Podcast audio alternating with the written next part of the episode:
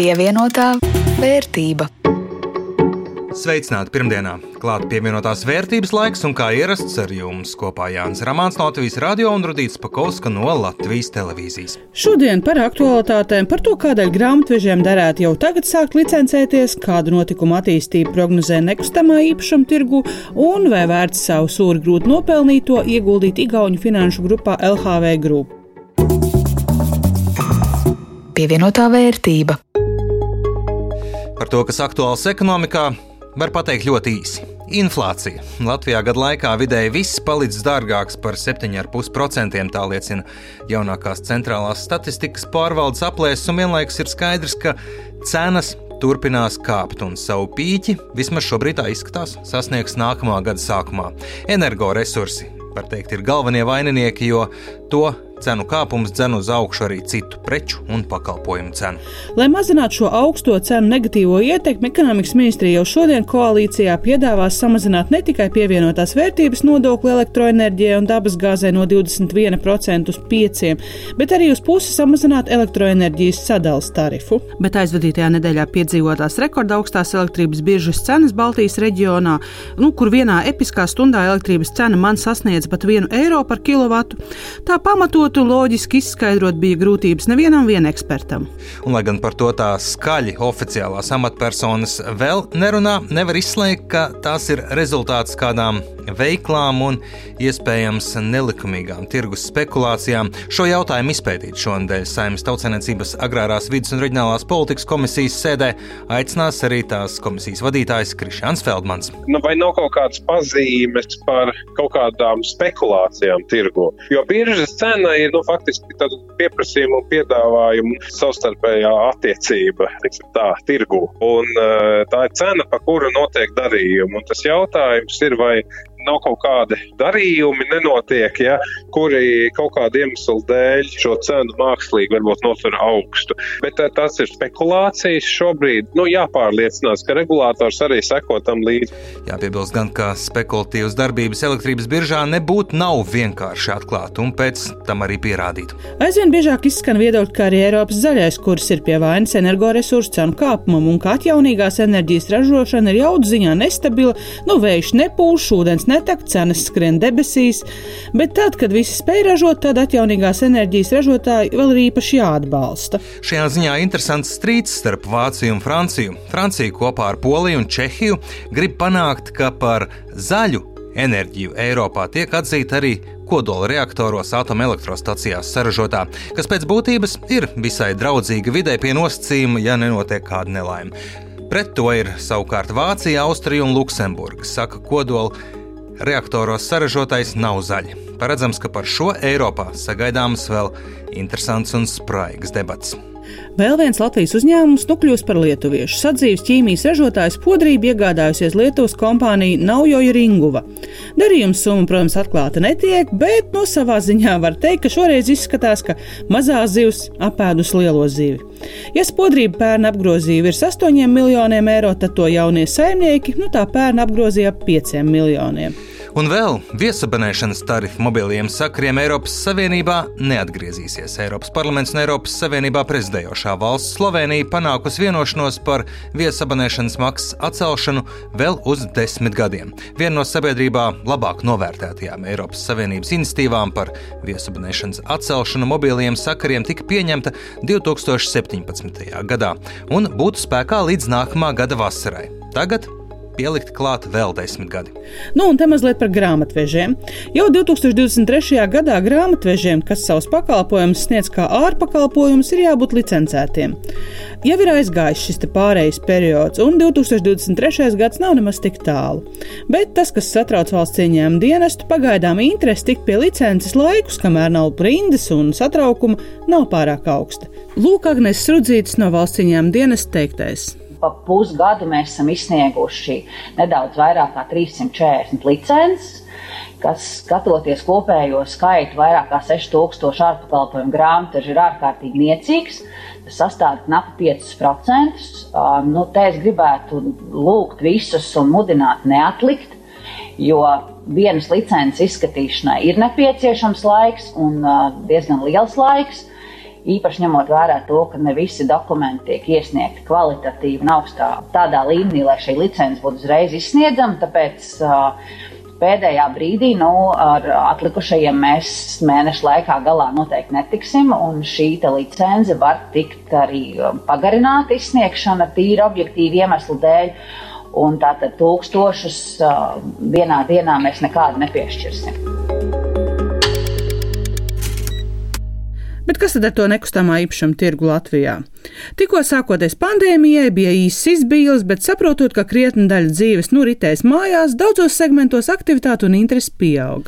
22% Latvijas iedzīvotāji plāno pirkt vai īrēt kādu nekustamo īpašumu tuvākā gada laikā. Tas ir, ja mēs skatāmies uz visu Latviju, nu, diezgan liels cipars. Tā saka Inte Priedola no Kantāra SEPD rīkotajā diskusijā par nekustamā īpašuma tirgu. Un lielākā daļa no tiem oktobrī teica, ka vēlas tieši pirkt. Skatoties sīkāk šo ciparu, ko mēs redzam, ka 12% diezgan tā, nu, tā mērķiecīgi, apņēmīgi domā par nekustamā īpašuma pirkšanu. Nu, te jārēķina, ka te ir arī ietverta gan lauku mājas, gan arī zemes gabals. Ja? Nav tikai dzīvokļu mājas, pagaidām mēs šeit skatāmies 6% nu, ir nolēmuši turpināt, vai, nu, vai varbūt uzsākt no jauna īrēt. Tad, tad ar šis sadalījums mēs redzam arī nu, divreiz vairāk, tomēr tas noskaņojums ir par labu pirkšanai. 4% tie, kas plāno apsvērt gan vienu, gan otru iespēju pagaidām. Galvenā atšķirība starp tiem, kas plāno pirkt un tiem, kas plāno īrēt, ir ienākumi. Jo lielāka ienākuma uz vienu ģimenes locekli, jo lielāka vēlme pašam iegādāties mājokli. Nu, tā nav arī tikai tāda abstrakta vēlme, nu, ka nebūtu slikti kaut kur, kaut kādi, ja nu sanāks un tā. Tā bieži vien ir pavisam reāla interese, ko savā ikdienā sajūt arī bankas. Turpina Arnšs Kapars no SEB bankas valdes loceklis pieprasījums viņš ne tikai turās ļoti stabils, bet viņš turpina pieaugt. Par piedāvājumu mēs runājam, bet pieprasījums pēc finansējuma mājokļa iegādēji dažādām lietām paliek arvien lielāks, un mēs neesam unikāli. Ja jūs palasīsiet jebkuru ārvalstu, tur CNN portālu, Bloombergu, jūs ieraudzīsiet, kas notiek Amerikā, kas notiek Rietumē, Eiropā. Patiesībā nauda nekustamā īpašumā plūst iekšā pietiekami daudz, un Covid pielēja degvielu tam visam klāt. Ar mājasēdēm, biroju mājā, bērnu dārzu mājā. Parku mājā un vēl kaut ko, ja tās vēlmes var būt ļoti dažādas. Cenas tuvākajā nākotnē varētu kāpt, tā saka Aigars Šmits, Latvijas nekustamo īpašumu darījumu asociācijas valdes priekšsēdētājs. Viņa prāt jārēķinās arī ar stagnācijas tendencēm tirgū. Es zinu, ka vairāk attīstītāji ir atlikuši šo jauno projektu būvniecību. Diemžēl tām ģimenēm, kas plāno iegādāties šiem 22% ģimenēm, ir tā, ka eh, tu īsti nevari noprognozēt pēc gada, cik tev maksās būvmateriāli. Un tad ir tas eh, labais jautājums, parasti, kad būvnieks saka attīstītājiem, jā, es labprāt būvētu, vai mēs varam līgumā paredzēt tādu lietu kā cenu indeksāciju būvmateriāliem. Darbam, nē, darba es varu, kā saka, prognozēt, bet tīri nu, loģiski, ka eh, laikam tā īsti nevar, jo arī banka pārstāv noteikti piekritīs tam, ka nu, mēs nevaram īsti arī tikpat proporcionāli pielikt indeksāciju pārdošanas cenai, jo pārdošanas cena tomēr to diktē tirgus.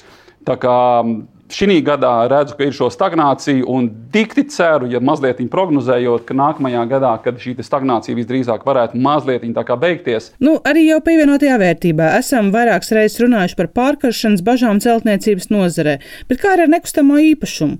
Vai cenu pieaugums arī tur liek uztraukties par burbuli?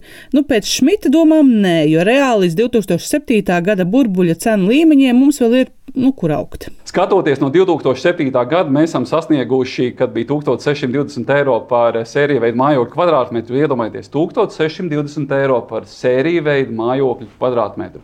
Šobrīd mēs esam pie 890, kas ir.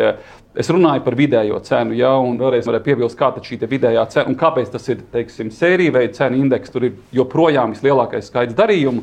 Un tad ir attiecīga formula, ka mēs nu, noteikti jūs arī teiksiet, nu, dabūjam kaut kur dzīvokli par 900 eiro kvadrātmetrā vai ne, ar labu remontu un tā tālāk. Nē, mēs runājam par cenu indeksu. Mēs dārgākos atmetam, jo es varu pateikt arī, ka sērija veida mājokli ar eh, labu remontu pat cena var būt pat 1400 eiro kvadrātmetrs un 1500 eiro kvadrātmetrā. Tātad cenas uz leju šķiet nekritīs, arī piedāvājums nekustamajam īpašumam plašāks strauji nekļūs.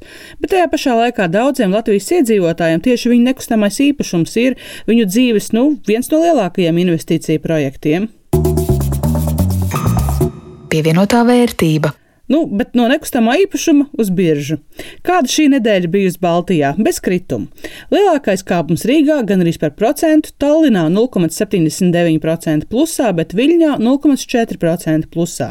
No uzņēmumiem tirdzniecības līderis Šauļa banka tā nedēļā tirgota par 3,5 miljoniem eiro, otrajā vietā Enefit Green darījumi par gandrīz 2,9 miljoniem eiro, bet trešajā vietā Tallink grupa. Prāmju operatora akcijām arī kāpums un darījuma apjoms 2,5 miljonu eiro. Nu jā, ja runājam par svārstībām, kā klājas mūsu portfeļiem, man viss klusi mierīgi ar nelielām izmaiņām, un kā tev? Tā kā Tallink ir nedaudz atguvies, tad man 5 eiro nedēļas laikā ir klāt, bet tas nozīmē, ka atkal esmu virs 500 eiro kopumā, sagaidu, ka nākamdēļ, kā ierasts, jau atkal būšu mazliet zem. Tā, šurpu turpu. Jā, vai novērtēji, ka es apgāju to jautājumu par to, vai kādu akciju esmu izlēmusi pārdot? Jā, jo tā arī nevar saprast, ko notirgot. Kā tev izdevās? Vai izdevās kaut ko pārdot? Nē, man arī vēl nekas nav notirgots, bet uh, sāk jau sacerēt tās četrindītes, par kurām vienojāmies. Bet nākamajā biržas sižeta sērijā uzzināsim ko vairāk par lielāko vietējo finanšu grupu un kapitāla nodrošinātāju Igaunijā - LHV grupu. Uzņēmums šogad sasniedz vērā ņemamus peļņas rezultātus, un arī nākotnes izaugsmas ambīcijas ir iespaidīgas. Turpina kolēģi Linda Zalāna.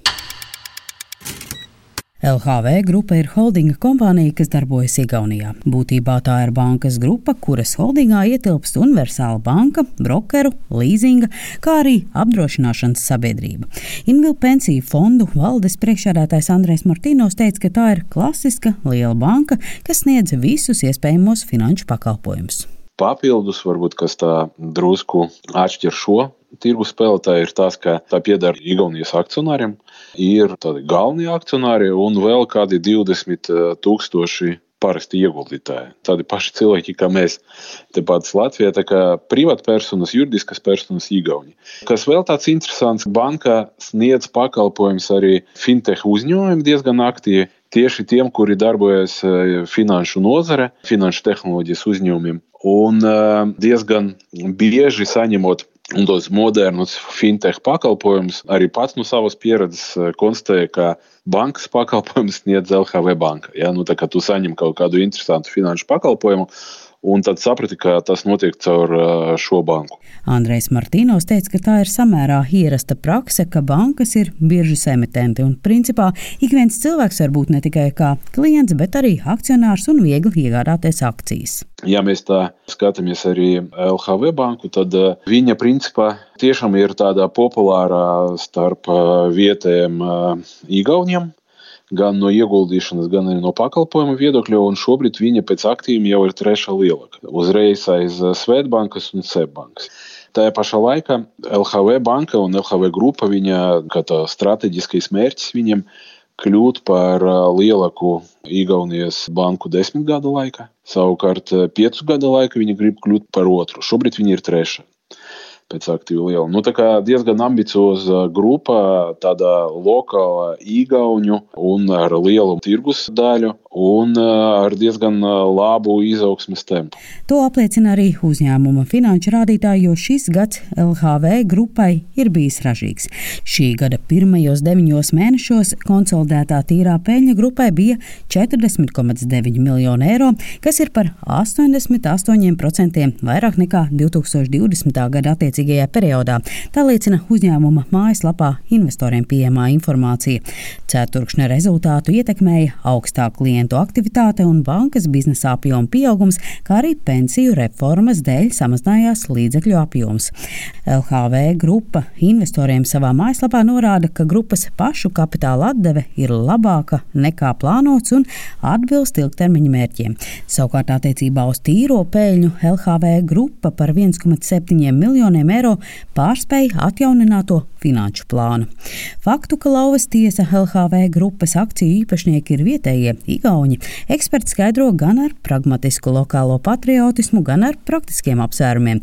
Piemēram, sarežģījumus nerada valodas barjera, līdz ar to ir parocīgi ieguldīt vietējos uzņēmumos. Turklāt ārvalstu investori lasa sausus faktus, kas pieejami investoriem, bet vietējie ikdienas dzīvē var redzēt, kā uzņēmums strādā un kā tam veicas. Bet kā LHV grupai veicas biržā? Ļoti, ļoti labi veicas. Īsnībā es pat uh, droši vien nekļūdīšos, ja pateikšu, ka no uh, novērtējuma viedokļa, ja, no tās, cik gatavi maksāt par vienu akciju uh, salīdzinoši ar citām bankām ja, un citām grupām, kur ietilps banka, tad no LHV banka iespējams pat dārgāka banka Eiropa. Vismaz man zināmā starp tiem, kuriem es sekoju līdzi, nu, tā ir noteikti dārgāka. Nu, ja mēs varam kaut vai salīdzināt ar to pašu kopbanku, kuru mēs esam nu, skatījuši pirms kāda laika, tad viņa gandrīz vai LHV banka gandrīz vai divreiz dārgāka. Nevis absolūtos ciparos, bet tajā novērtējumā, cik investori novērtē viņu. Savukārt, ja mēs salīdzinām ar Šauļu banku, kura ir arī Baltijas bieža un kas nāk no Lietuvas, nu tad LHV gandrīz piecas reizes dārgāka ir. Tā kā ļoti labi iet, un investori, kuri ir investējuši pirms gada, diviem, trīs vai pieciem, ir ļoti, ļoti labi nopelnījuši. Savukārt nākotnē LHV bankas akcijas pēc eksperta domām iegādāsies tie, kuri tic, ka Igaunijas ekonomika attīstīsies straujāk nekā citās Baltijas valstīs, tie, kas tic, ka LHV grupai ies pat labāk nekā citām bankām, un tiem, kas tic, ka principā pasaulē nav gaidāmi satricinājumi ekonomikai. Martīnaus akcentē, ka LHV akciju iegāde jāskata apmēram piecu gadu perspektīvā. Turklāt pozitīvi, ka banka ir progresīva un ambicioza. Kā piemēru viņš min, ka banka piedāvā veikt darījumus arī ar kriptovalūtu, kas citās bankās ir teju tabū tēma. Linda Zalāne, Latvijas radio.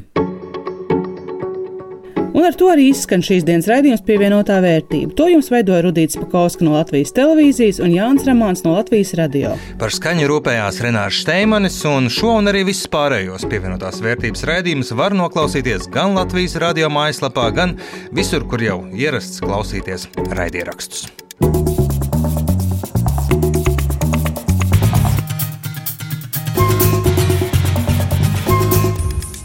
Pievienotā vērtība.